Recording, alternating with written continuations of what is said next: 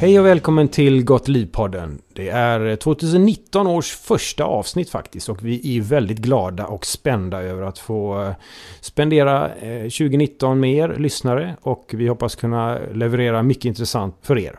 Idag ska vi prata om eh, Vita Pro.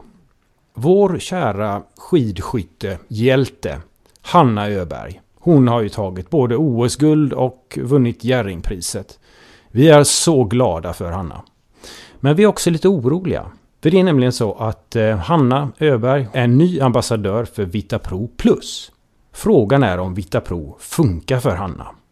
Ja, mycket lutar åt att hon blir en sämre skidskytt med Vitapro. Okej, okay, hur, hur menar du då? Gör hon reklam för något som gör henne sämre? Eh, men, men du Gunnar, vad säger egentligen forskningen om Vitapro?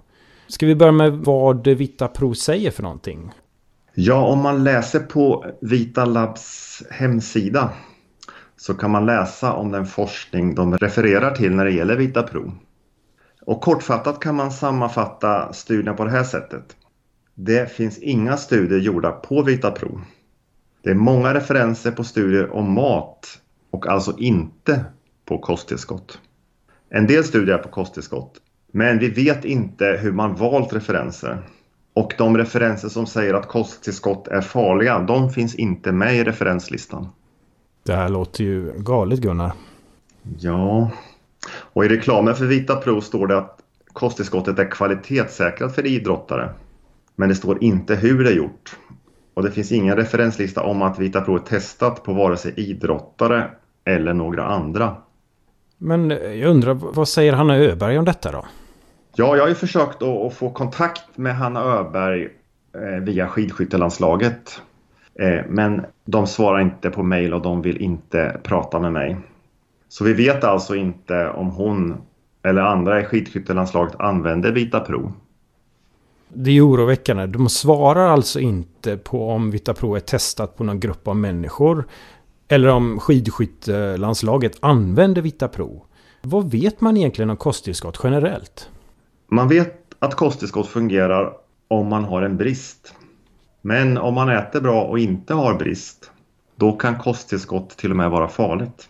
Hur I bästa fall gör det ingen nytta, men som sagt i värsta fall kan det vara farligt.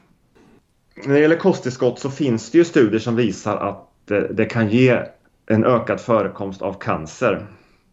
Och det finns studier som visar att antioxidanter på burk försämrar prestationsförmågan. Och det finns studier på ett kosttillskott av vitamin D som visar att det ökar förekomsten av benfrakturer.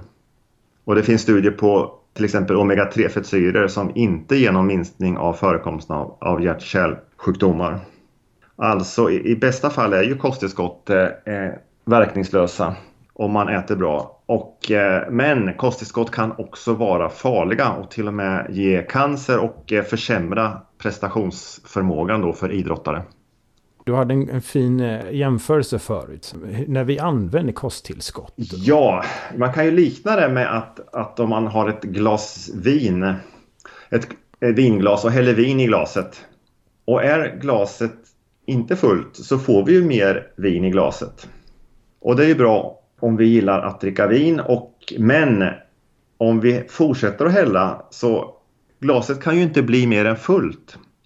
Så sen rinner ju vinet ut på, på bordet eller på duken. Och det enda som händer är ju att duken blir förstörd. Och så är det med kosttillskott. Att det kan faktiskt försämra läget. Ja, och eh, rekommendationen är ju naturligtvis att vi ska äta mat och inte kosttillskott, eller hur? Ja, absolut. Och, och de här stora organisationerna som American Institute for Cancer Research och World Cancer Research Fund och Nordiska näringsrekommendationer och Livsmedelsverket säger att, att vi inte ska äta kosttillskott utan vi ska täcka näringsbehovet med mat. Vad skulle du vilja säga till Hanna då? Ja, att i värsta fall kan du försämra din prestationsförmåga och därmed också eh, att du minskar chansen att vinna medaljer.